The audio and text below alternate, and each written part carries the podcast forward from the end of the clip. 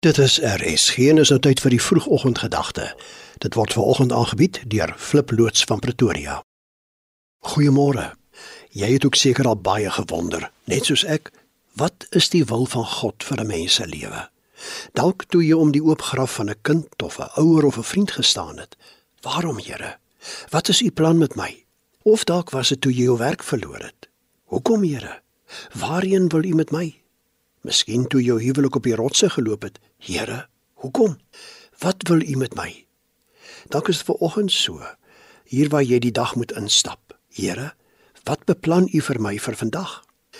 Ja, dit is sekerlik die belangrikste vraag wat 'n mens in jou lewe kan vra.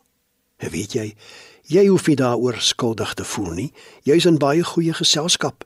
Dink maar aan Abraham in Genesis 22 in die Bybel.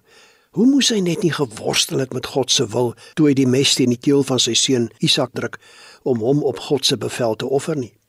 Dink maar aan Job in Job 2. Hoe het hy net nie geworstel met die wil van God toe sy hele huis rondom hom mekaar tuimel en al sy kinders doodval nie? Dink maar aan Jesus in Matteus 26.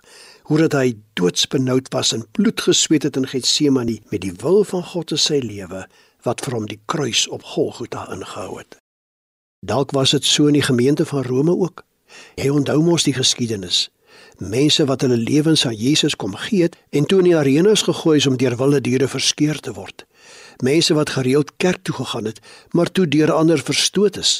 Mense wat hulle woorde oor Jesus die groot geneesheer ingedrink het, maar toe hulle om hulp gesmeek het aan hulle siektes, nie gesond geword het nie.